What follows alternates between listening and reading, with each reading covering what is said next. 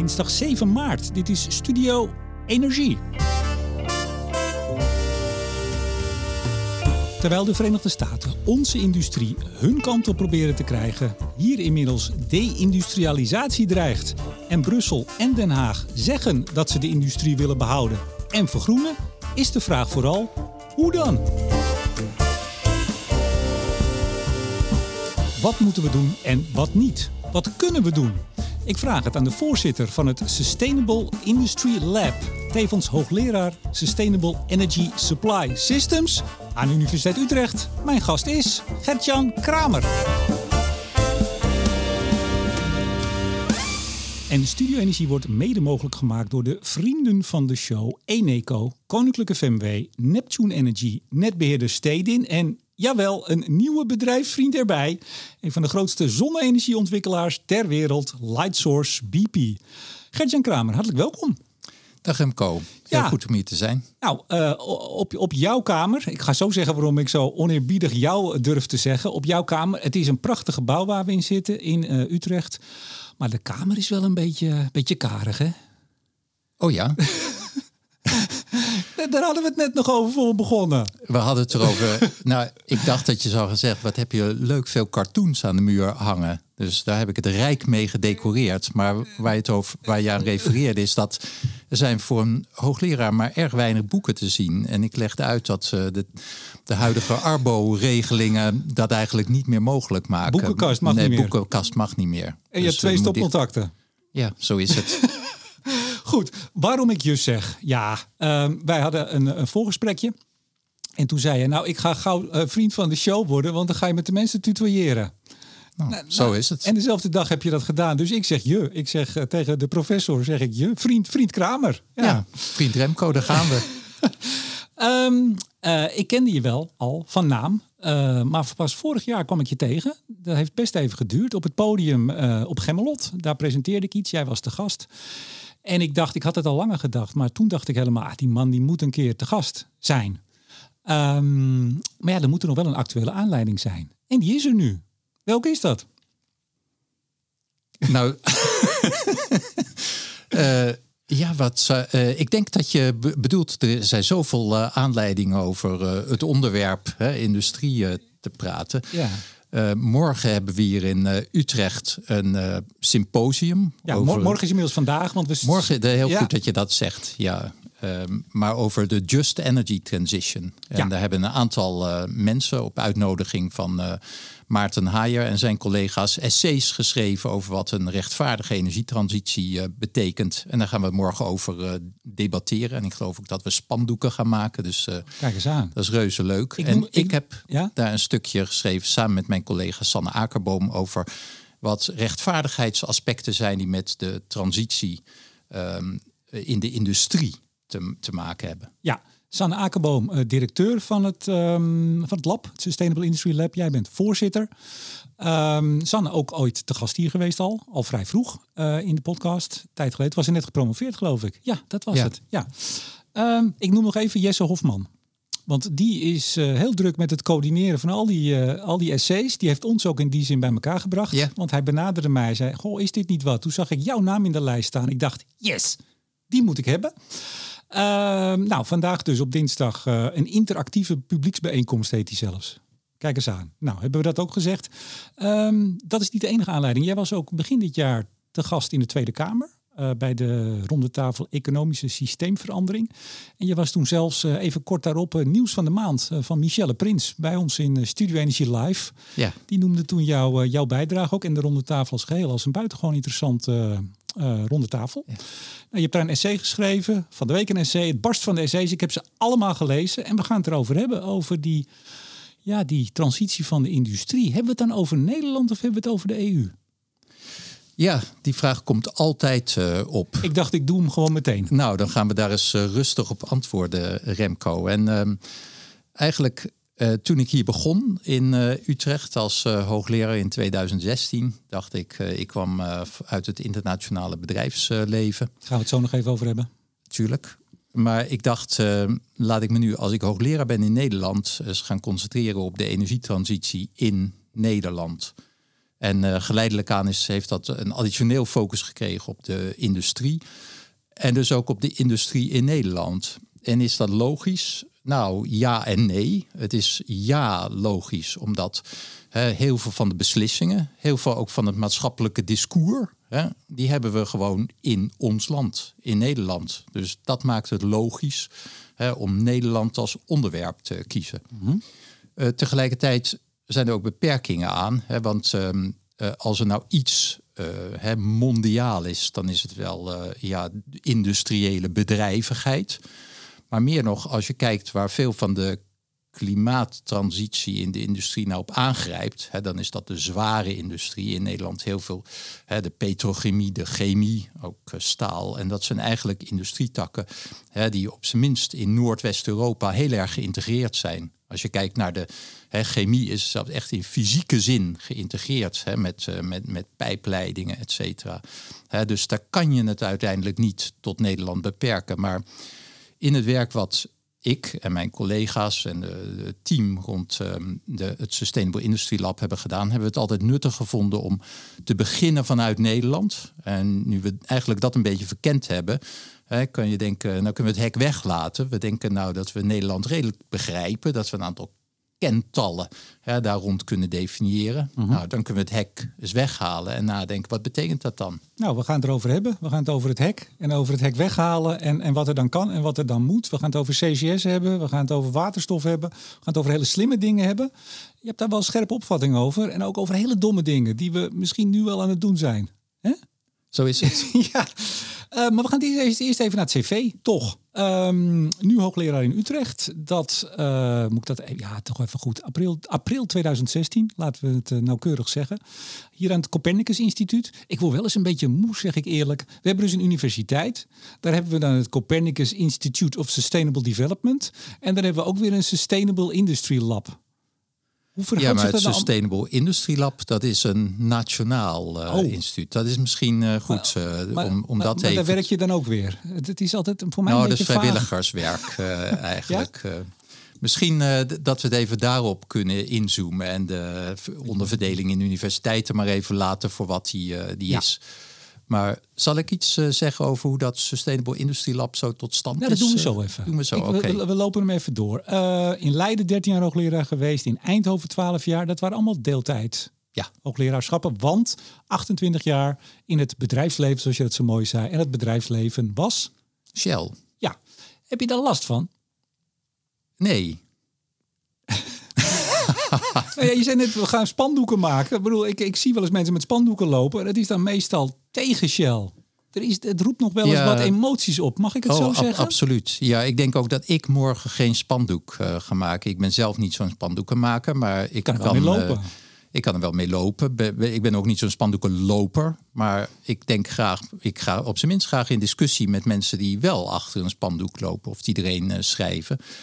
Maar Nee, ik heb eigenlijk. Uh, ik vind persoonlijk mijn, mijn werk uh, bij Shell 28 uh, jaar.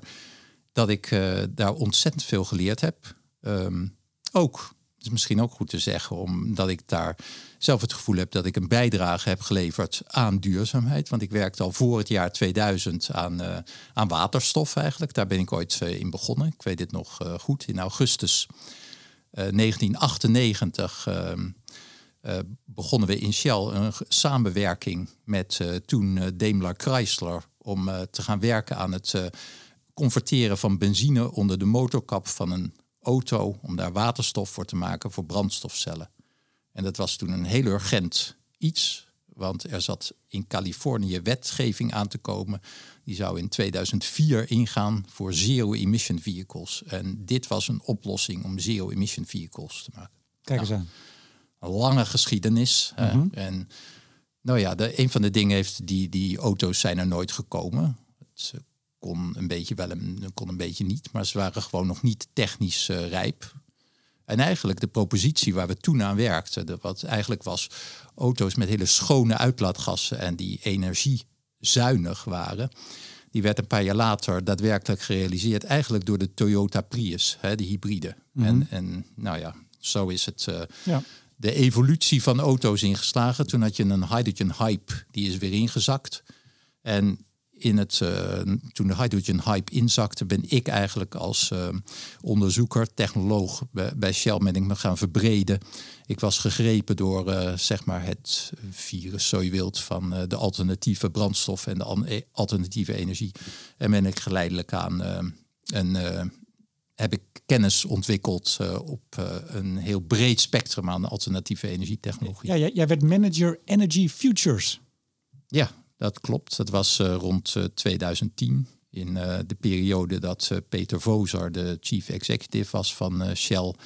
En um, daar leidde ik eigenlijk een heel klein teampje wat een soort denktank was. Zeg ik altijd, die de toenmalige executive committee en de board eigenlijk informeerde over wat er aan zat te komen in de energietransitie. Ja. Dus... Als, als, je jou, als je jouw cv kijkt en je, je leest eens wat, je bent natuurkundige, gepromoveerd in Leiden.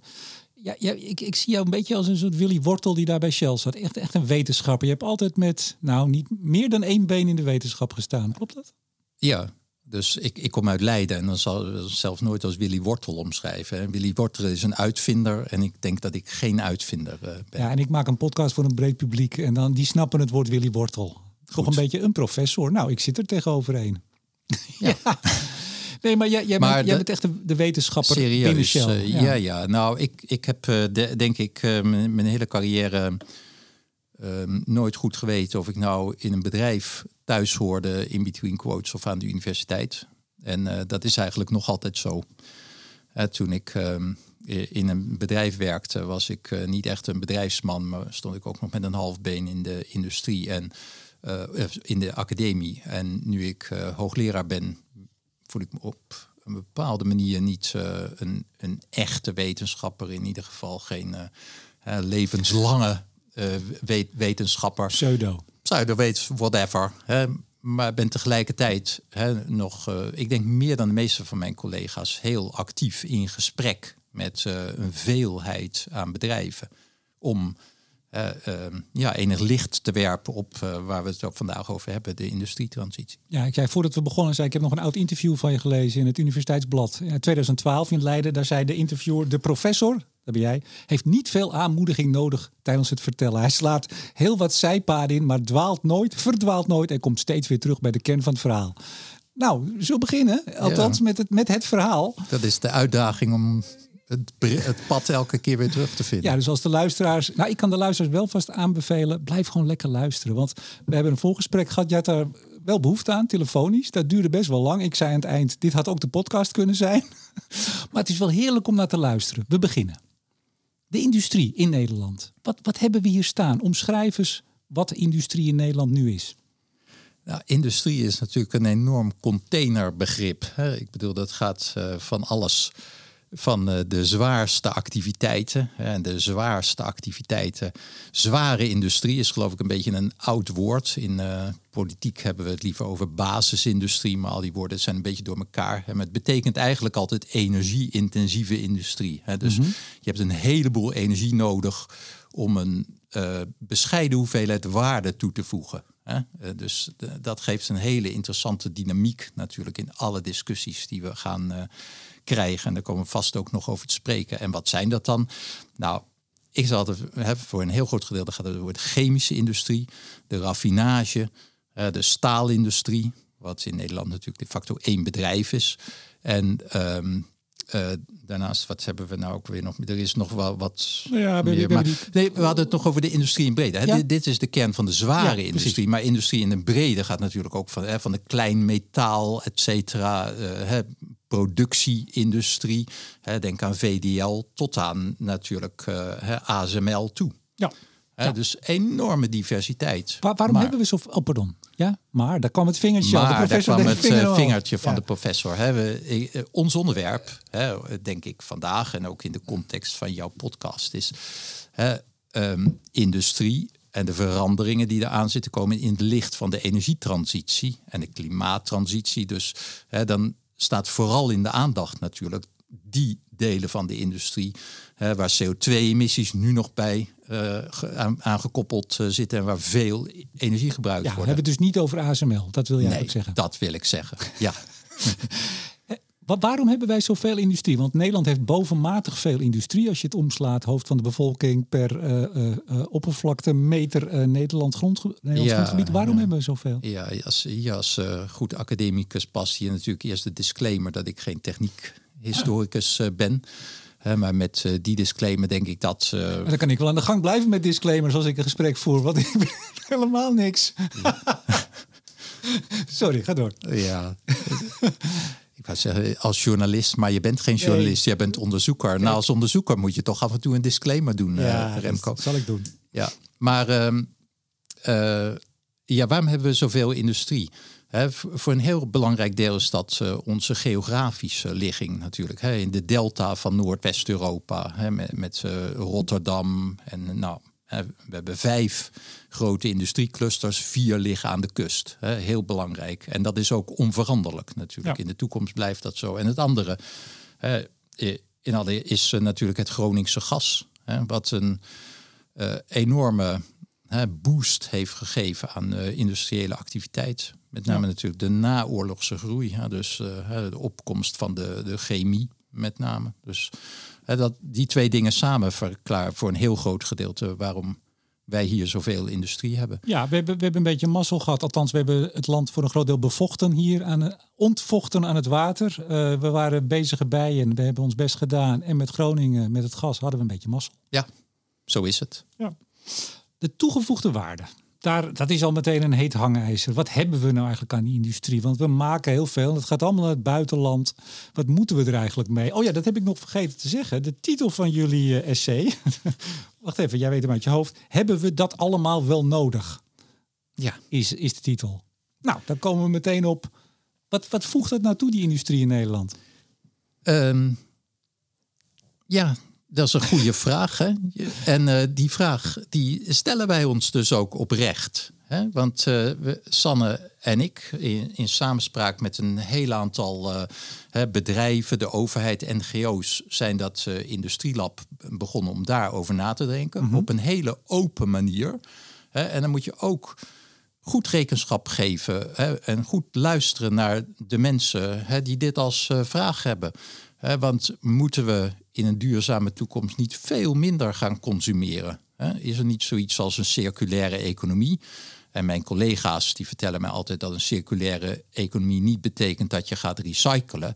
Maar dat betekent dat je zo ontwerpt dat dingen heel lang meegaan, dat ze te repareren zijn, et cetera, et cetera. Dus uitgaande van dat wat er is, dat dat wel altijd zo zal moeten blijven.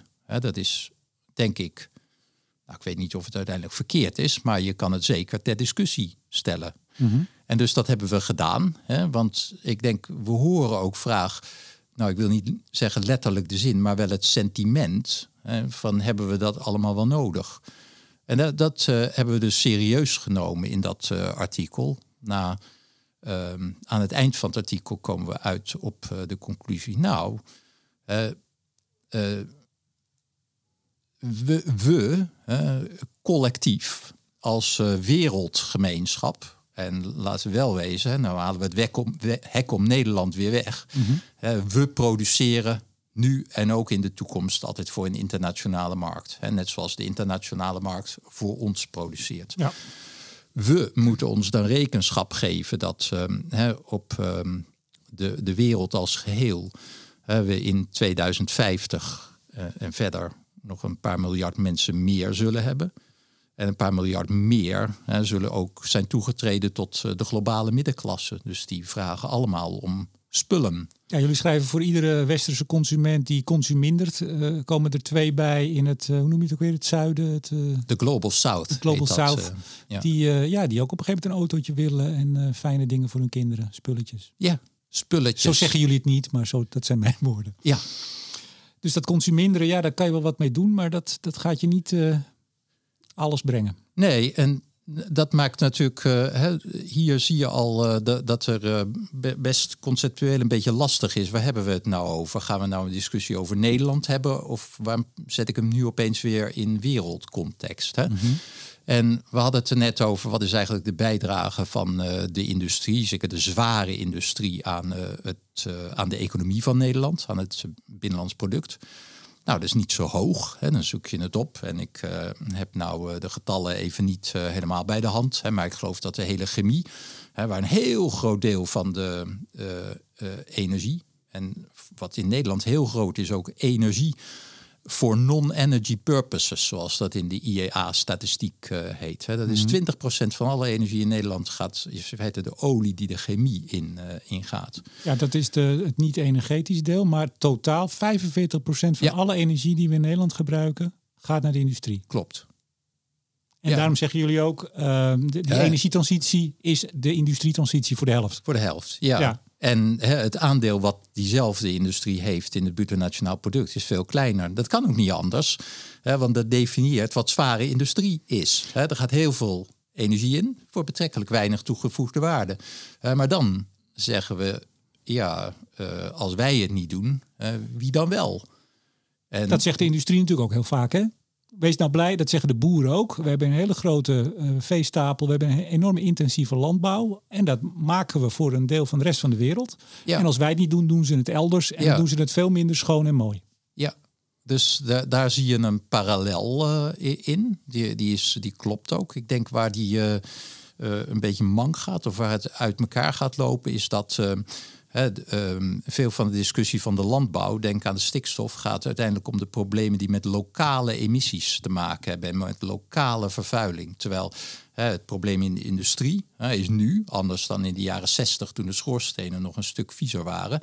maar dat is uh, goed deels opgeklaard. Dus het grote probleem is een wereldprobleem. het CO2-probleem en een groot wereldwijd grondstoffenvraagstuk. Ja, maar dat, dat stikstofprobleem in de landbouw heeft een beetje de, de klimaatemissies overtroffen, zou ik maar zeggen. Want toen het, uh, het klimaatakkoord werd gesloten, ja. ging het heel erg over de, de bijdrage aan de klimaatverandering van de landbouw. En het is helemaal overvleugeld door stikstof. Even, jullie hebben het over de, de cruciale parameter in deze. Hoeveel energie je per uh, euro toegevoegde waarde nodig hebt. Ja. En dan scoort dus de industrie slecht.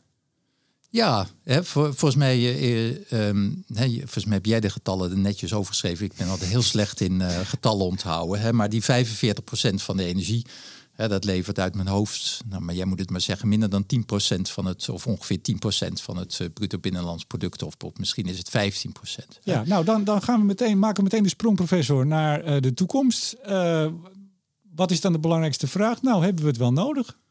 Ja, dus hè, ik denk dat dat meteen ook een punt van kritiek, of niet meteen zeggen, een punt denk ik waar hè, de discussie economisch door economen vaak wat smal wordt gevoerd. Hè, want dan zou je zeggen, zo bekeken, hè, is het heel effectief om je klimaatdoelstellingen te halen door te deindustrialiseren. Hè? Ja. En ehm, daar, daar kan ik natuurlijk, eh, met name als ik niet heel veel weet van uh, de, de productie en waar, wat nou de verschillen in uh, prijs zijn, wat, wat, je hebt tussen uh, resource, renewable resource hier en daar, kan ik denken, nou, er zijn plekken op de wereld, dan moet het beter en goedkoper kunnen. dus laat, zijn markt, laat de markt zijn uh, heilzame werk doen. En dan zullen we zien dat er groene productie optreedt ergens anders op de wereld. Dit is een veel gehoord. Dit is echt een stroming die de laatste nou, twee jaar aanzwelt, die dit zegt.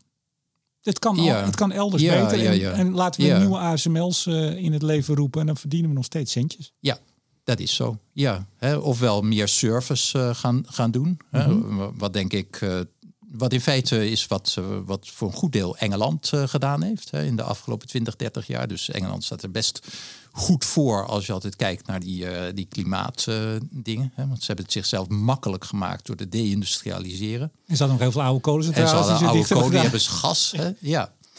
maar ik denk dat is... Ehm, Ooit las ik over dat soort dingen de prachtige kreet... That's playing tennis with the net down. dan maak je het jezelf wel heel erg uh, makkelijk. En zo moet het spel niet gespeeld worden. Dus waar wij in ons uh, essay en ander werk op ingaan...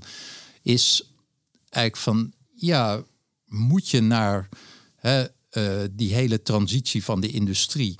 moet je daar niet een ander perspectief mee kijken. Eigenlijk, wat is je resource die je als land, als gebied hebt en hoe zou je die kunnen inzetten om in de toekomst een bijdrage te leveren aan het globale groene productieportfolio. Want we houden nog steeds spulletjes nodig. Want we houden nog steeds spulletjes nodig. Zo is het. Veel minder? Meer? Evenveel? Nou, natuurlijk is de, de, hè, de ik heb genoeg aan scenario's uh, gedaan uh, om enerzijds te weten dat wat, wat, je in theorie aan uh, ruimte voor je kan zien, dat die gigantisch groot is. Hè. Mm -hmm. Tegelijkertijd is de leerschool die ik heb doorlopen ook dat je altijd toch met, met je extrapolaties ook kijkt van hoe liep de lijn eigenlijk uh, van 50 jaar terug tot nu. En als ik die lijn nou doortrek en een beetje naar boven of een beetje naar beneden, of misschien heel veel naar beneden afbuig, hè, waar komt die dan uit? Nou, dan hebben we nog altijd een heleboel nodig. Ja. En ik denk dat ze bijna alle, om hè, de chemie aan te halen, de, bij mijn weten hè, wijzen de meeste uh, rapporten die de chemische industrie, en dat is natuurlijk meteen een grote disclaimer hierbij, hè, dat uh, de vraag naar che chemicaliën ongeveer verdubbelt tussen nu en het midden van de eeuw. Eigenlijk in lijn met zoals we conventioneel ook nadenken over dat de economie groeit, hè, die verdubbelt ook. Dus moeten we eigenlijk verwachten dat die verdubbelt. Nou, zelfs al zeg je, hè, misschien verdubbelt die niet, maar komt er nog een beetje bij dan alsnog hè, is alles wat we nu hebben, is natuurlijk om zo te zeggen grijze productie. En die moeten we allemaal groen maken. Dus hè, er is nog genoeg te doen, namelijk bijna alles, hè, om groene basisindustriële productie van de grond te krijgen. Die staat nog in de kinderschoenen. Ja. En jullie schrijven ook, um, het is de morele verantwoordelijkheid van Nederland om zijn aandeel hierin te nemen. Ja, dus je kan niet maar zeggen, nou, wij kunnen onze klimaatdoelen fluitend halen door die 45% van de energie en maar 10% van de toegevoegde waarde, die zetten we voor een flink deel buiten de deur. Nou, dan gaat het als een dolle hier. Dan, dan, dan is iedereen in optocht over het halen van de klimaatdoelen. Ja. Maar dan laten we onze morele verantwoordelijkheid dus maar waaien. Ja. Die nemen we dan En hè, dat, dat, hebben we ongeveer naar een eh, stelling omgebogen, uh, die we ook uh, vandaag, dinsdag, gaan bespreken. Dat eigenlijk de beloftes die Nederland en andere landen doen, maar met name Nederland ook, doet in het kader van de Parijsakkoorden. dat is eigenlijk een hele goede belofte, maar het is ook een deelbelofte en eigenlijk een negatieve belofte. namelijk om geen CO2 uit te stoten. Maar het zegt helemaal niets wat binnen die beperking je bijdrage gaat zijn aan de toekomstige wereldproductie. Ja, en als je dat niet zegt, zeggen jullie, dan is zo'n NDC, dat heet dat, hè? dat is de pledge, de toezegging die je hebt gedaan, die we als Nederland, als EU, als Nederland binnen de EU, die alle landen doen. Jullie zeggen ook, dat is eigenlijk vrijwel betekenisloos als je er niet iets tegenover zet van wat ga je dan wel doen, wat ga je maken. Ja, dat is de steen die wij hier in de vijver uh, gooien. En ik denk dat, uh, nou, dat eigenlijk dit een goed moment is om die steen in die vijver uh, te gooien we, we zijn nu ehm, natuurlijk al een heel aantal jaren bezig met het klimaatakkoord en de belofte om emissies te reduceren. ik denk met alle dat meen ik heel oprecht, dat we met het uh, klimaatakkoord, wat er is gevormd, iets gedaan hebben wat werkelijk prachtig is. We hebben dat op een goede wijze bij elkaar gepolderd als Nederland. Een hele brede groep van stakeholders heeft zich daarachter gezet. De doelstellingen zijn uitdagend en ze zijn concreet. En ze gaan ook over alle sectoren van het energiesysteem. Ja, alleen kernenergie mocht niet meedoen. Nee, maar vervolgens komen we daar ook weer op terug. Hè. Dus die, die dingen zijn ook niet in steen gebeiteld. Dus we, hè, we, gaan daar denk ik op een hele verstandige manier adaptief en flexibel uh, mee om. Hè, maar ook als we nu, omdat we die belofte één keer hebben gedaan, omdat er een, um, uh, een target is eigenlijk per sector en ook de industrie heeft een opgave in dat uh, klimaatakkoord. Dus nu we één keer zover zijn, moeten we een stapje verder doen in ons denken. En ook denken, wat betekent die belofte dan? Maar, maar jullie... Tent sluiten ja. kan niet het antwoord zijn. Haal je de doelen wel, maar dat moeten we niet willen. Nee, to, toen ik dit allemaal zo, zo las en, en, wij spraken, toen dacht ik, nou ja, ik, ik vind het een goede oproep. Je noemt het een steen in de vijver. Je zegt ook, uh, ja, in theorie kan Nederlandse doelen halen door gewoon de industrie te laten gaan. En Amerika die, uh, die rinkelt met de, de geldbuidel. Dus uh, nou, laat maar gaan. Laat de markt maar zijn werk doen, zou je, zou je kunnen zeggen. Ik dacht wel, dat is altijd erg flauw, dat zeg ik er meteen bij. Maar hadden jullie niet iets eerder op de trom moeten slaan? Met deze boodschap? Of is, is nu de tijd rijp? Is nu, omdat dat geluid van laat die industrie eigenlijk maar gaan, het is misschien wel beter. Is dat, maakt dat dat jullie nu die stenen werpen of is het een, een nieuw inzicht? Nou, voor mij persoonlijk, ik wil niet is het, ehm, je kan een inzicht hebben diep van binnen, maar het vraagt tijd hè, om, om dat uh, te, te kunnen articuleren en, en te durven articuleren en woorden te vinden waar, waarvan je het idee hebt van ja, mhm. hè, nou, nou, kan ik op een compacte manier, en je merkt compact iets zeggen kost me best wat, uh, wat moeite. Het gaat heel goed. Goed zo. hè, maar de, dat kost moeite. En ja, de, de vraag van is het snel genoeg, hè, is die, die achtervolgt mij al een uh, half leven, zolang als uh, ik mij bezighoud met de, de energietransitie. En we zijn natuurlijk laat, we, we, zijn te laat. van de andere kant heb ik zo langzamerhand genoeg gezien. en ik weet ook genoeg van technologie en waar technologie 10, 20 jaar geleden stond. om ook te beseffen dat een heleboel dingen ook niet heel veel eerder hadden gekund. Hè? Ik heb ooit, vond ik fantastisch, het boekje van uh, Duivendak gelezen. Het Groen Optimisme heet het, uit mijn hoofd uh, gezegd. Waarin uh, hij prachtig 25 jaar groene politiek in Nederland doorakkert. Te beginnen vanaf 1988. Een jaar waarin door, door, internationale ontwikkelingen, onder andere James Hansen in het Amerikaanse congres, hè, klimaatverandering echt op de kaart werd gezet. En toen was onmiddellijk, en dat was de tijd dat we in Nederland uh, Nijpels en minister waren, de respons was eigenlijk instantaan. Hè, we, we, onderkennen het probleem, dus we moeten er wat aan doen. Mhm. hè, mooie grootse plannen en vergezichten, hè, maar het vervolg was, er, er kon weinig follow-up aangegeven worden. Hè, en met de wijsheid van achteraf, dat is niet een soort onwil, hè, maar er was gewoon heel veel van de dingen die, die we nu doen en waar de, waar de voortgang nu uit voortkomt, zon en wind, dat kon domweg niet. Ja, even toch, uh, want in die zin is de timing wel heel goed. Uh, ik zei niet alleen die Inflation Reduction Act, daar hebben we het over, die geldbuidel, dat enorme pakket wat Amerika heeft klaargezet als aan stimulering, aan subsidie voor bedrijven daar, maar ook uh, als we die kant op willen als industrie. De EU die toch een beetje zoekt naar een antwoord. Uh, dat gaat een beetje alle kanten nog op. Maar ook de EU die vooral inzet. Hè. We, willen, we willen natuurlijk weer koploper worden. Dat willen we in Nederland ook altijd. Um, uh, uh, batterijen, windturbines, warmtepompen. Maar die zware industrie schrijven jullie ook. Ja, daar hoor je de EU eigenlijk niet zo over. Hè? Wat dat betreft is dit wel het goede moment om dit op, de, op tafel te leggen. Hoeveel wil EU, wil Nederland bijdragen aan de productie van de basisindustrie in, in, ja, in, in, het, in de groeiende wereldvraag? Ja, dat denk ik wel. En uh, ik, uh, nou, ik ontkom er toch niet aan om af en toe even een disclaimer uh, erin te je gooien. Echt, luisteraars, er ging weer echt een wijsvingertje zo omhoog. heel goed. Ja? Maar ik, ik ben niet echt een policy man. Dus als je mij vraagt van wat, wat doet de EU precies op dit gebied, dan denk ik altijd, oh jee, nou praat ik over iets waarvan ik het niet echt weet wat ze misschien allemaal wel en, en niet doen. Hè? maar dat weet niemand. Oh, dat is fijn dat je me eh, daarin uh, gerust stelt. Maar uh, de,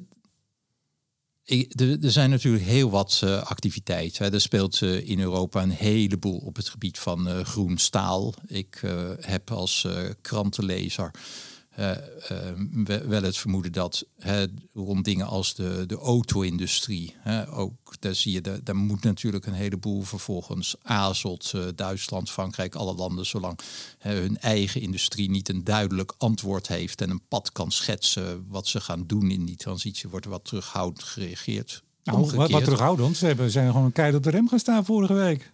Ja, ja, zo gaan dingen altijd met, uh, met horten en stoten. Hè? Ik bedoel, ja, oké, we hebben het nu over uh, de, of, of, het nu uitstoot in 2035, hè, of je dan echt niet één in verbrandingsmotor uh, meer mag, mag worden verkocht.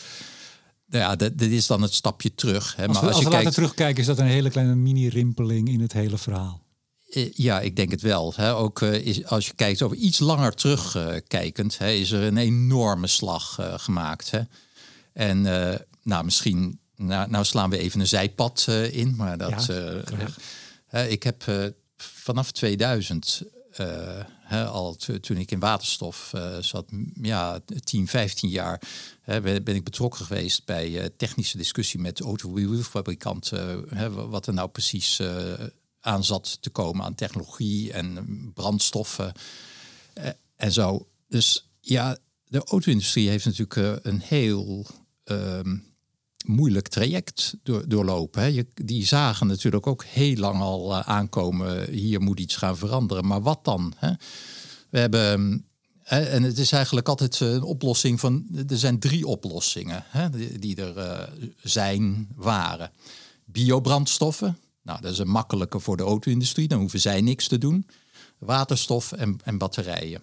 En ik heb in de twintig jaar dat ik er bezig houd, die, die drie altijd zijn communicerende vaten. als de een omhoog gaat, gaat de ander naar beneden en, en omgekeerd. En dat was ook echt een rollercoaster in de, de eerste tien jaar van, uh, van deze eeuw. Mhm. en er is eigenlijk pas verandering in gekomen nou, door uh, Elon Musk en de Tesla.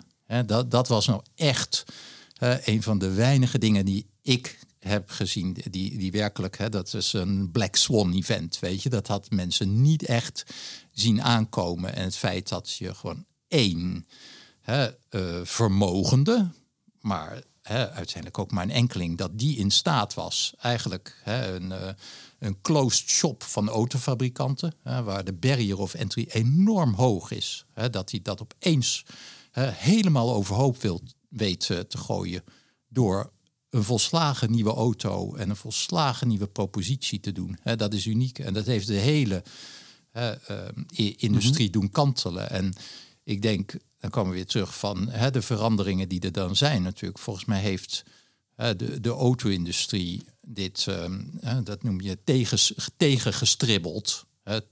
tot het moment dat ook de grote... Is niet meegestribbeld?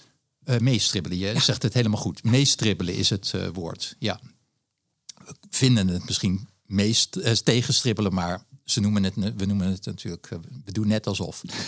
en uh, ze hebben dat, ze zijn pas meegegaan in, in dit soort targets. En ook Europa in politieke zin heeft pas mee kunnen gaan en heeft dit kunnen doen. op het moment dat de, de auto-industrie in Europa dacht, ja, wij zijn ook zover. Hè. Wij kunnen ook elektrische auto's maken en we, wij kunnen hè, die ook met winst aan klanten verkopen. Ja. Ja. En dat is toch de, ja, de fascinerende dynamiek ehm, die, die, er altijd uh, is. Ja, ik trek ons weer even op het hoofdpad. Juist. Het was een heerlijk zijpad, zeg ik erbij. Uh, we hadden het even over de EU. We, hebben, we willen van alles in schone technologie. De, de, de zware basisindustrie, nou, daar hebben we eigenlijk wat minder beeld van. Hoog tijd dat wij hier dan dus dat even gaan bepalen. Wat er toch het best wel en niet gedaan kan worden. Dan ga ik naar de uitvoering. Hè. Ik zei het al in het begin, we hebben het over CCS, waterstof. Komen we nu. Maar eerst die discussie over dat kiezen. Van welke industrie moeten we steunen, welke niet. Uh, ik heb het ook wel eens vaker in podcasts over gehad. Ook nog uh, bij Studie Live toen het over ja. uh, jou en met jouw collega's rond de tafel Tweede Kamer was. Ja, hoe kies je daar? Jij zegt eigenlijk, we hoeven helemaal niet te kiezen op dit moment. Waarom niet? Omdat um, we, we eigenlijk nog niet... Het feit dat, als, als wij het hier in de podcast over hebben ja, dan is het vermoeden dat we daar als maatschappij hè, nog, nog niet aan toe zijn. Hè, om in ministerskamers en boardrooms hè, daadwerkelijk beslissingen te nemen die over hè, dan tientallen miljarden uh, gaan. Maar het dus, hoeft ook niet, zeg jij. En ik denk dat het ook niet, uh, niet hoeft. Hè, en dat, dat doe ik niet omdat ik uh, de urgentie niet, niet zie van dit alles. maar, maar ook wel geloof dat het, het tijd, diep geloof dat het tijdpad hè, wat we hebben echt tussen nu en 2050 is. En zelfs 2050 hè, al ongelooflijk uitdagend is. Hè, dus nou, dat geeft ons nog 27 jaar. En dan eh, verwijs ik naar het uh, klimaatakkoord. Als je kijkt wat gebeurt daar nou in tussen nu en 2030. Nou, dan 49 procent staat stond erin. En dan proberen we het nog een beetje meer te doen. 55, 60 procent reductie. Ja, zeker. Pas op hè. Ja, moet eigenlijk 60 zijn. Dat is ook een heel chapiter of al dit soort uh, fijnslijperij nou veel uh, zin heeft. Maar anyway, ongeveer de helft hè, gaat eraf. Uh, dat is enorm uitdagend. En hoe gaan we dat dan bereiken? Nou, door heel veel zon en wind neer te zetten. Hè? Want dat kunnen we. Hè, dat is fantastisch. Dat konden we in 2000 niet. Dat konden we in 2010 ook in veel mindere mate dan we het nu al kunnen. Maar ergens in het afgelopen decennium is dat werkelijk commercieel geworden. Dus de, de gigawatts. Je kan Mhm, ze op een ja. gegeven moment zo snel zetten dat je ze niet meer kan aansluiten. Hè, dus het is heel urgent werkelijk urgent. Hè, dat we als Nederland, en het speelt eigenlijk over de hele wereld, hè, dat we eh, ja, eigenlijk alles op orde krijgen, zodat hè, netverzwaring niet een issue is. Ja. Hè. Dus dat moet gebeuren. Dus veel meer zon en wind. Hè. Ehm, eh, en vervolgens ook zoveel mogelijk elektrificeren. Hè. Natuurlijk elektrische auto's, warmtepompen, et cetera. Je noemt dat Nou, no, no regret, hè? Krijg je geen No- spijt no van. regret. Nee. En waarom krijg je er geen spijt van? Hè? Ehm, heel lang al is elektriciteit 20% van het energie-eindgebruik. En nou, al bijna alle scenario's over de toekomst zeggen dat in 2050 is de helft of ietsje meer van alle energie-eindgebruik is elektriciteit. Hè, dus hoe dan ook, heel veel meer elektriciteit. Dus dat is absoluut een no regret. En waar komt nou na al die schone elektriciteit en elektrificering de grote CO2-winst vandaan? Carbon capture en storage. Oei, oei, oei, oei, oei. Nou, ik hoor nu een paar mensen die, die vallen helemaal van hun stoel. Professor toch? We gaan toch niet aan de CCS? Nou, ik citeer eh, uit eh, de klimaatafspraken die we met z'n allen gemaakt eh, hebben. Waar we ook meteen aan gingen morrelen toen de inkt droog was. Ja, Sommige partijen dan. ja zeker. En ehm, dat mag natuurlijk altijd. En dan is de vraag of al dat morrelen ook ehm, veel helpt. In om, Nederland de- leidt de- dat de- morrelen meestal uiteindelijk tot het een beetje terugschroeven of we doen het toch maar niet. Dat hebben we met biomassa gezien. Dat, dat, is- dat is Ja. wel Nederland. Ja, maar vooralsnog hè, zij, zij is dat echt onderdeel van het Nederlandse plan om de, de targets te halen. Mhm. Als je het weghaalt, hè, dus 7 megaton per jaar, da- dan is dat niet makkelijk op te vangen door eh, nog wat windmolens of zonneparken bij Ja. te bouwen. Dus Ja, maar, maar zeg jij nou eigenlijk, eh, als het gaat over dat kiezen, ja, daar kan het vingertje weer, ja, zeg maar. Je hebt gelijk. Hè? Dus eigenlijk- en de, ja, CCS, uh, afgezien van dat uh, mensen opslaan onder de grond niet elegant uh, vinden. Hè, maar, maar doe je dat eigenlijk ook om hè, te zorgen dat de, de CO2 niet uit de schoorstenen van een huidige uh, assortiment aan fabrieken komt. Ja, wat, Uh, dus in feite kopen we daar ook tijd mee. Hè? Ja. En uh, een wezenlijk um, justificatie van uh, koolstof van opslag. En tegelijkertijd heeft het ook in zich hè, een reden waarom je het niet moet doen. Hè, maar het is heel pragmatisch natuurlijk. Dat je zegt, we kunnen of niks doen, hè, of we zorgen dat de CO2 niet in de lucht komt en onder de grond uh, verdwijnt. En dat geeft ons dus ook de ruimte om in dit decennium na te denken van wat zijn dan die grote keuzes hè, die we wel zullen moeten maken in de, de komende decennia. Hè, van Ja. wat, wat kunnen we hier nou? En in het Sustainable Industry Lab noemen we dat als wat is nou het beoogd portfolio aan industriële activiteit voor 2050? En ik denk, hè, met alles wat ik net heb aangegeven, dat we dit decennium hebben we gewoon de luxe.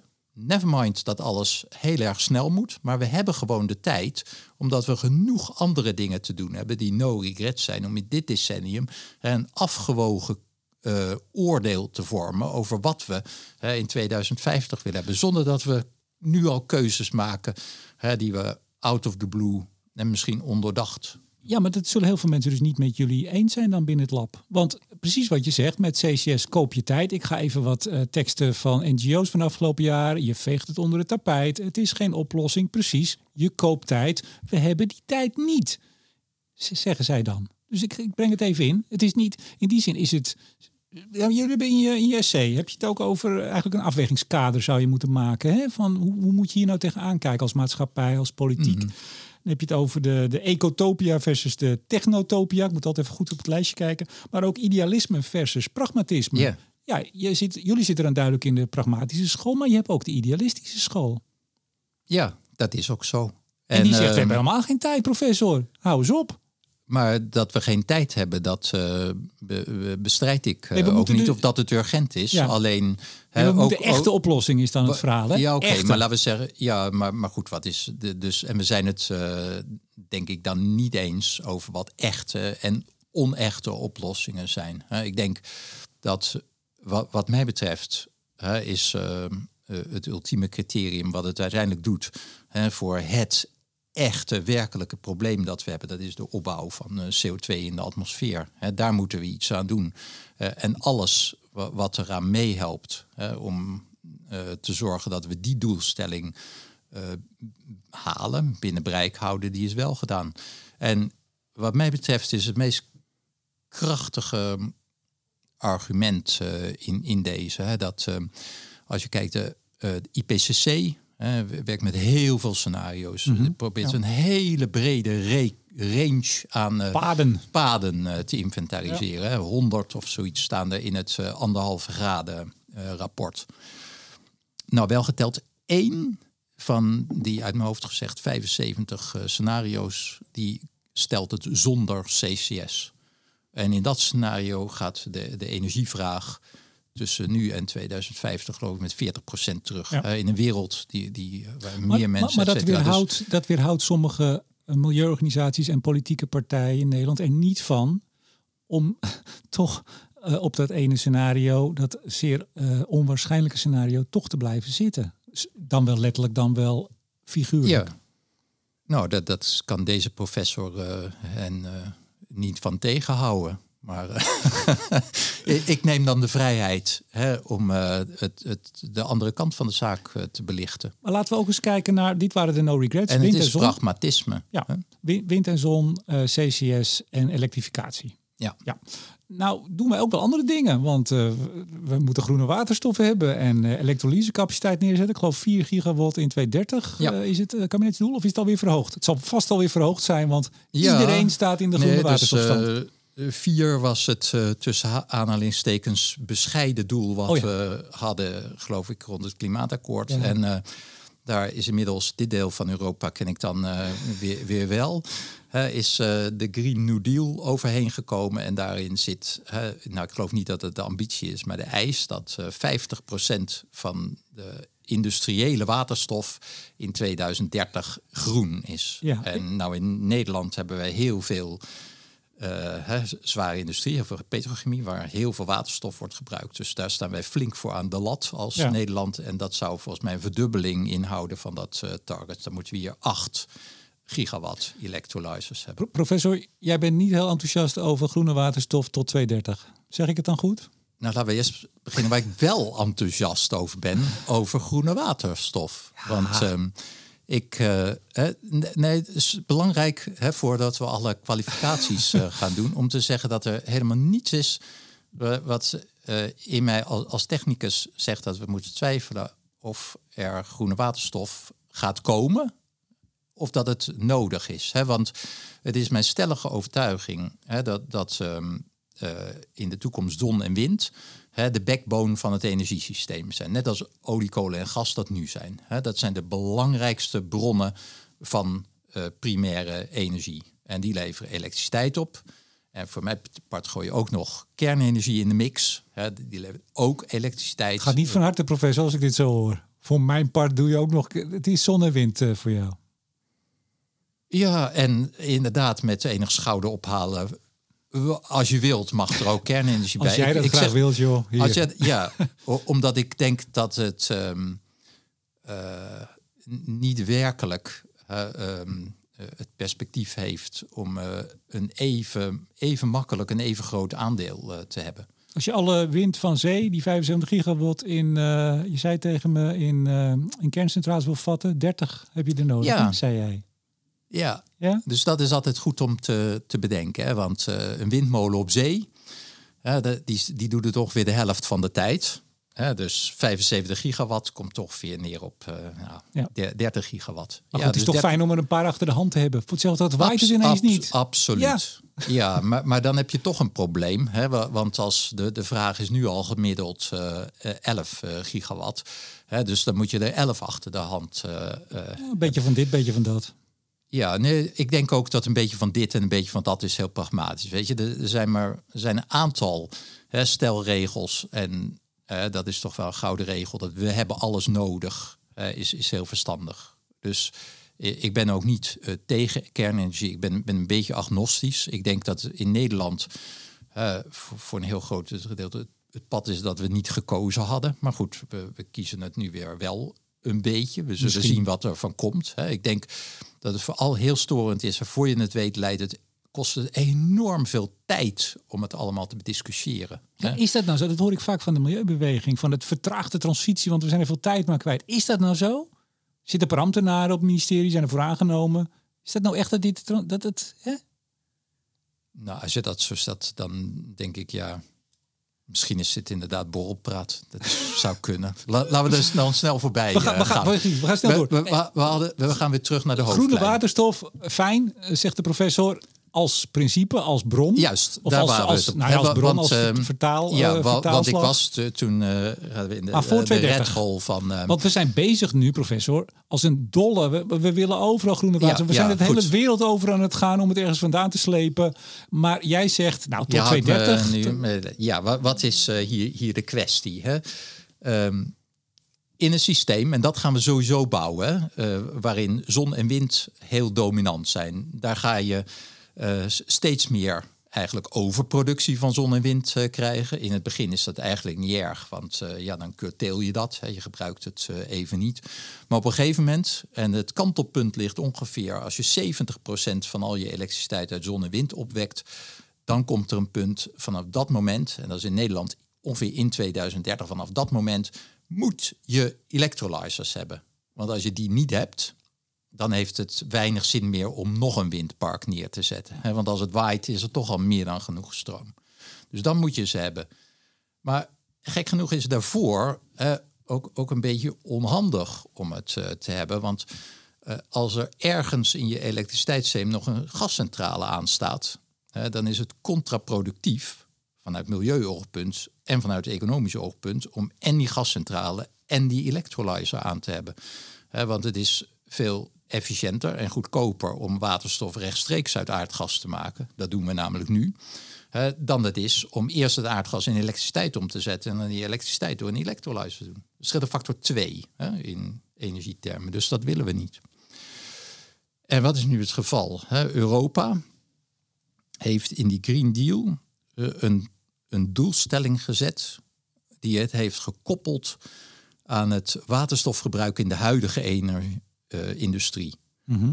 Nou, ik ben niet echt een transitiedeskundige, maar ik hobby er wat op los, eh, zeg maar. Maar volgens mij staat in uh, het handboek Energietransitie dat je in de transitie je doelen niet moet koppelen aan het bestaande. dus dit is op zijn minst ongelukkig, maar het is dubbel ongelukkig, omdat je daarmee eigenlijk ehm, de verkeerde partijen aanspreekt. Hè? Want, want er is nu een enorme dialoog en een dynamiek op gang gekomen waarin projectontwikkelaars hè, de primaire aanspreekpunt zijn. Die moeten hè, project ontwikkelen, wind, samen met een electrolyzer om maar groene waterstof te maken. Terwijl dat volgend jaar en het jaar daarna eigenlijk helemaal nog niet zo zinvol is. Dus daar heeft Europa dan weer reparatiewetgeving bij bedacht. die electrolyzer mag alleen maar aanstaan als de windmolen die je erbij hebt gebouwd, als, als die het ook daadwerkelijk stroom levert. Maar dat is een heel artificieel construct. want dat, de elektriciteit van die nieuwe windmolen kan alsnog beter het uh, grid in. dus, uh, en Oké, dat is wat je niet moet doen. Maar, wat, moet je nou wel doen? Ja, maar wacht heel even. Denk jij nou dat de luisteraars horen dat jij hier snoeiharde kritiek op het huidige Europese en daarmee ook voor een flink deel Nederlandse beleid of vriendelijk verwoord. Heel maar, vriendelijk uh, verwoord, op een prachtige manier, met een heerlijke stem. Maar denk je dat mensen dat doorhebben? Want je, je, je zaagt het bij de enkels af. Nou ja, dat, dat, dat, vertel jij de luisteraar nu. Uh, voor zover ik dacht, het niet hadden nou, opgepikt. Dus nou kan er geen misverstand meer zijn. Goed zo, genoteerd. Uh, maar wat moeten we wel?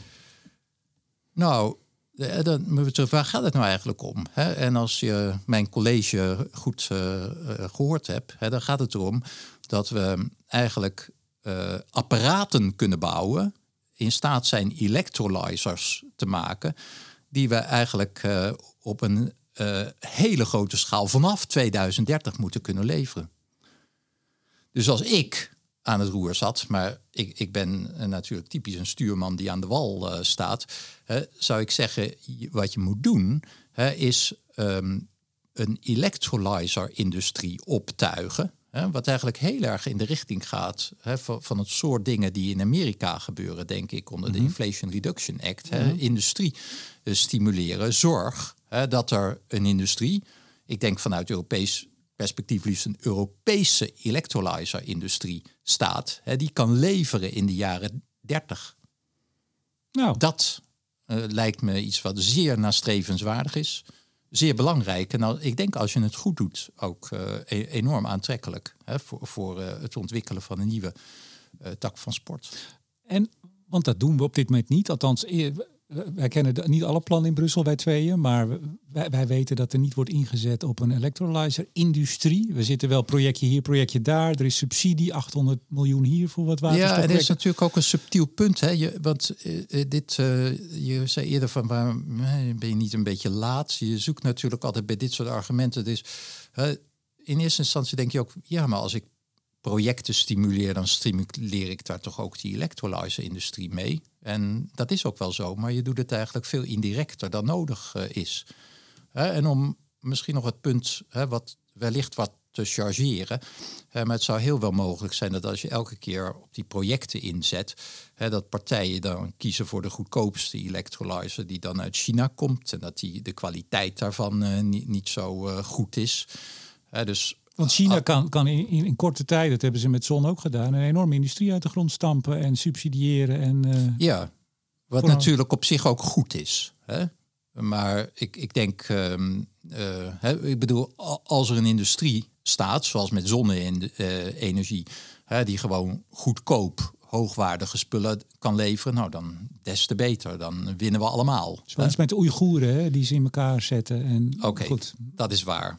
Maar laten we daar niet, uh, niet, niet Nee, maar goed, nee, maar dan, komen we op een ander punt. Maar dat gaat te ver buiten dit onderwerp, denk ik. Dat uh, Europa ook nog eens een, een wereldmacht wil zijn als het gaat over schone technieken. Dus ja. het, het is niet zo, uh, de professor kan wel vinden dat het ook wel in China of elders kan staan. Maar wij willen het in, nou het liefst bijna in Nederland. We willen hier een batterijindustrie, we willen hier een zonne-industrie, we willen alles. Ja, ja, ja. ja dan denkt, um, zou je kunnen denken, nou Weet je, dit, dit soort maakindustrie, hè, dat is uiteindelijk Duitsland is ontzettend sterk in. Weet je, hè, dus ik kan, ik denk dat Duitsland hè, zal heel natuurlijk het centrum hè, van de maakindustrie zijn, waar, waar je best heel goed kan voorstellen dat Nederlandse industrieën hè, daar ergens in de toeleverketen uh, zitten. Denk aan partijen als VDL en zo, die in termen van automatisering, et cetera, ongetwijfeld een rol uh, zullen vinden. Ja. Maar ik denk dat het heel waardevol is als we dat in Europa hebben. Omgekeerd denk ik inderdaad dat als je denkt waar moet je nou hè, in dit um, decennium experimenteren hè, met waterstof en kijken hoe moet je hè, um, die, uh, die electrolyzers flexibel opereren, want dat is cruciaal. Nou, dan is Nederland natuurlijk een ideale hè, testgrond daarvoor. Ja, dus project in Nederland is natuurlijk prima als je maar weet waarom je het doet. En als je ook maar beseft dat in dit decennium het leren van projecten, hè, van steeds grootschalige projecten, veel belangrijker is dan die groene productie. Ja, we, gaan nog even heel kort, want we zitten al tegen het uur. Jawel. Um, processen met een omnivoor robuust karakter hebben we nodig, professor. Ja. Heb je me verteld eerder. Wat zijn het voor processen? Nou, dit gaat eigenlijk uh, een chapiter wat we tot nu toe uh, niet hebben uh, aangekaart. Doe in deze, Doe, doen, doen we even kort. Hè? Maar we hebben natuurlijk um, we, we zijn als mensen en als land heel ambitieus, want we moeten niet alleen klimaatneutraal zijn, maar we moeten ook circulair zijn. En dat betekent dat uh, nu uh, worden alle uh, plastic, kunststoffen, chemicaliën komen nog uit, uit olie voor een heel groot gedeelte, voor een klein gedeelte uit gas, dus uit fossiele, fossiele koolstof. En uiteindelijk mm -hmm. willen we daar vanaf. Nou, wat zijn dan de, de smaken? Dat zijn er in principe drie. CO2 uit de lucht, biomassa of afval. Oei. Ja, dat zijn ze. uh, en die zijn allemaal lastig om andere redenen. Hè? CO2 uit de lucht is, uh, nou, dat is er genoeg. Maar het kost heel veel energie om het uit de lucht te halen en om het dan weer hè, op te werken tot een uh, product. We hebben heel veel energie in Nederland, veel groene energie van de Noordzee. Maar zoveel energie hebben we hier nou ook weer niet. Dus Je dat maakt zelfs CO2... om, om die energie eh, desnoods dan maar te importeren voor zeezuur is onzinnig, zeg je. Ja, Het zal niet meer een marginale rol spelen, CCU in ik. Nederland. ja, Is jouw verwachting? ja, ja. Nou, dat, dat zal voor heel veel mensen even een shock zijn hoor.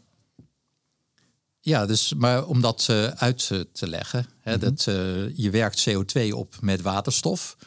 Als je zegt we komen, eh, we komen energietekort om de CO2 op te wekken, dan denken we in een soort reflex al snel, oh dan moeten we de waterstof gaan importeren. Maar als we nou de eh, waterstof hierheen gaan importeren, om die dan hier aan een CO2-molecuul te koppelen, dan moet je denken, nou die waterstof die reist wel erg lastig. Zullen we die CO2-koppeling dan doen aan de andere kant van de wereld, waar die waterstof zo goedkoop was? Dan verschepen we gewoon de brandstof die we dan maken, of hè, de, de, de chemical feedstock. Ja. En dan heb ik dus het hele proces naar dat andere land verplaatst, ergens over zee. Ja. Ja, want we zijn nu bezig om met allerlei... Maar we, hadden het over, we zouden het hebben over de omnivore processen. Hè? Dus, eh, en, de, en dan gaat het dus om het eh, verwerken van grote hoeveelheden biomassa, biomassa-residu, hè, wat op een verstandige, duurzame manier beschikbaar is. Hè, zodat het daadwerkelijk een bijdrage is. Nou, daar kan je ook podcasts over vullen, wa- wat de condities daaraan zijn.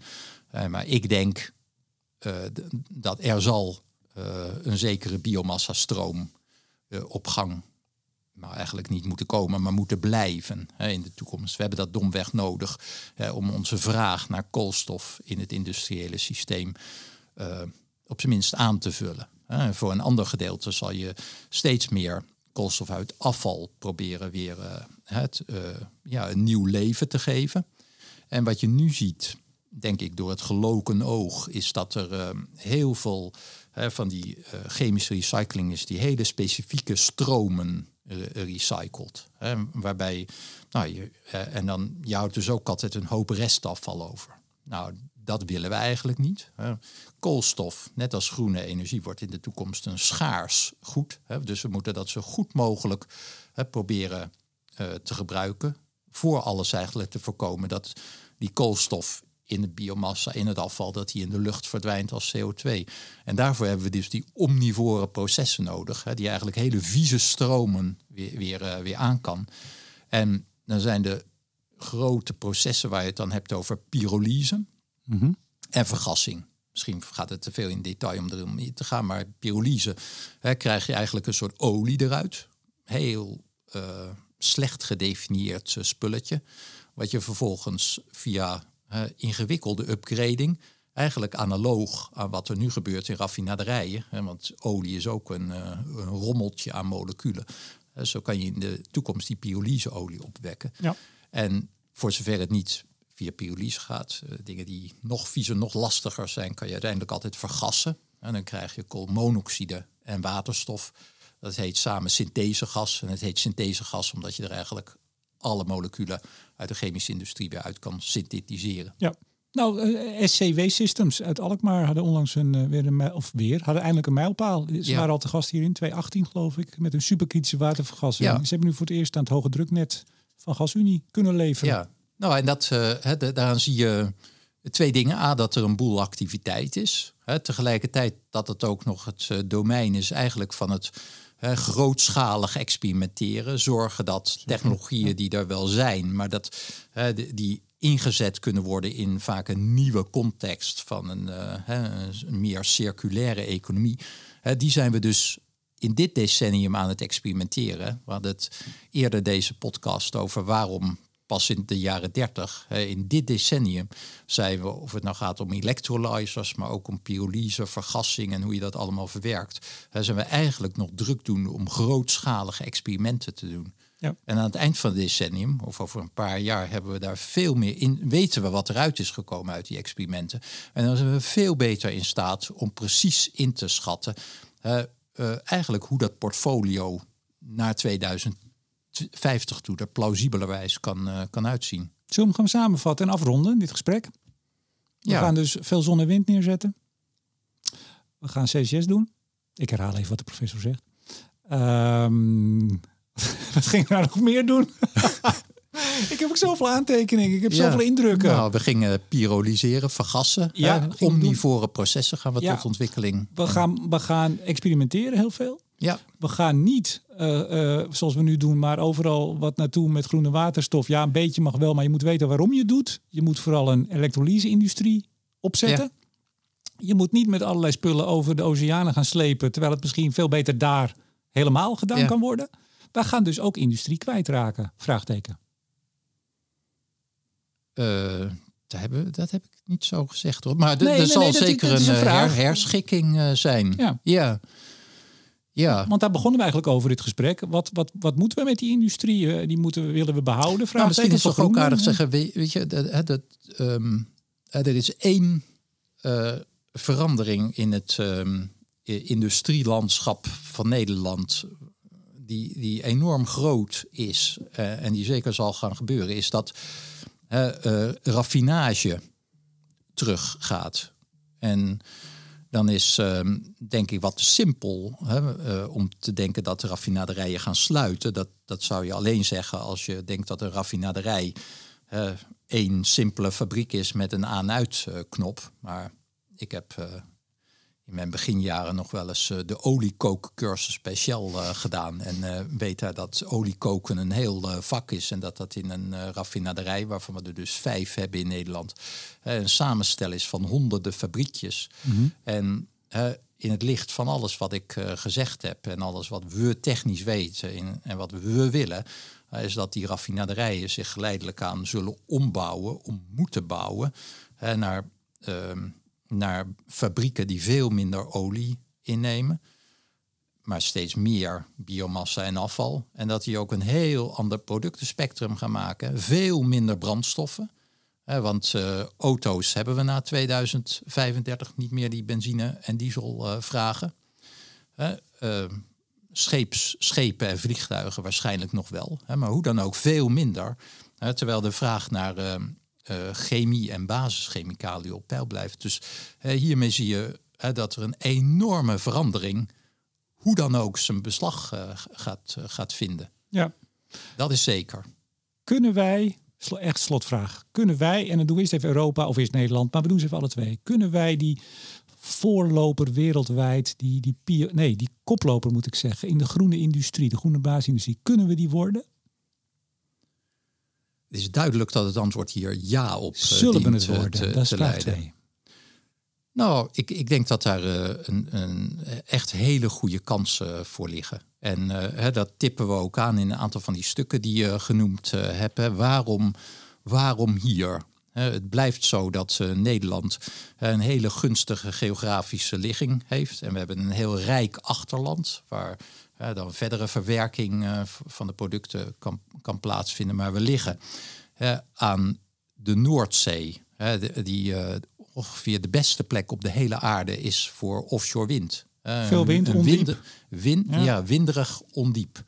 dat, is, dat is fantastisch. En het laatste, ik denk dat dat um, iets is wat iedereen in de industrie wel weet, maar daarbuiten niet algemeen bekend is. Er is zoiets als de locatiefactor. Hè? Wat, wat, kost het om iets ergens te doen? We hebben hier, en dat gaat Nederland te buiten, maar dat is het hele ARA-cluster. Amsterdam, Rotterdam, Roer, Rijn, um, Antwerpen, Amsterdam, ben ja. vergeten waar ik mee begonnen was. Hè? Daar is zo'n uh, enorm ecosysteem van bedrijven hè, die de procesindustrie uh, kan uh, helpen en kan bedienen met een veelheid aan, aan services. Dat op zich is heel waardevol. Hè? Niet alleen om het huidige systeem in stand te houden, hè, maar als je denkt, maakt niet uit wat er doorgaat, hè, maar er moet ook in de toekomst nog moleculen worden omgezet en daar heb ik energie bij nodig. Nou, de energie hebben we, de kennis, de kunde, het, het ecosysteem hebben we hier ook. dus ik denk dat het uitgangspunt uh, werkelijk heel goed is. Ja, dan moet ik toch een beetje een negatieve opmerking nog maken, ben ik bang ja, ik moet toch doen. Wij hebben hier ook een, een, wat versnipperd politiek landschap, waarbij het steeds moeilijker wordt om uiteindelijk echt uh, meters te maken. Dat hebben we het niet alleen over Nederland, we hebben het ook over de EU, die 27 lidstaten. Ik geloof dat België, toen ik hier naartoe kwam, was al ongeveer gevallen weer de regering. Uh, althans, het hang, hangt op het randje over stikstof. Ehm, je ziet dat uh, in dit geval Biden, maar het was Trump ook, America First. ja, die, die jongens die treden veel strenger, nee, harder en, en voortvarender op. Zou dat kunnen dat we daarmee uh, die, die basis die er is, ik denk dat we het er allemaal over eens zijn, maar hebben we dat niet ook nodig? Een, een politiek die echt, ja, echt dus, de schouders uh, eronder zet en niet elkaar ja, de tent je, je, kan nou, nou um, denken van oh, oh, jee, dan worden we links en rechts ingehaald. Of vooral links door Amerika hè, met de Inflation Reduction Act. Alles gaat weg, het is verloren. Hè. Maar ik denk wellicht een, minstens even plausibele reactie hè, is en zou hopelijk zijn dat wij hier in Nederland, in Europa, doordenken wat is het juiste antwoord daarop. En eigenlijk is dat fundamenteel wat je hoopt. Dat ehm, er in het ene continent, in dit geval Amerika, een uh, actie wordt genomen die heel stimulerend is voor de transitie. En dat een ander continent, die, die dacht een voorloper te zijn, dat die denkt, potverdorie, nou, nou worden we ingehaald. En, en dat het, dat continent, dat land stimuleert uh, om iets anders te gaan doen wat nog aantrekkelijker is. En politiek de rij sluit en samen de schouders eronder. Amen. Gert-Jan Kramer, voorzitter uh, van het Sustainable Industry Lab, Lab en professor Sustainable Energy Supply Systems aan de Universiteit Utrecht. Hartelijk dank voor het gesprek. Tot je dienst. En uiteraard bedank ik ook jullie beste luisteraars en in het bijzonder alle vrienden van de show. Er zit er één me. Waaronder Koninklijke FMW, Netbeheerder Stedin, Eneco, Neptune Energy en, jawel, Lightsource BP. Mijn naam is Remco de Boer. Graag tot volgende week.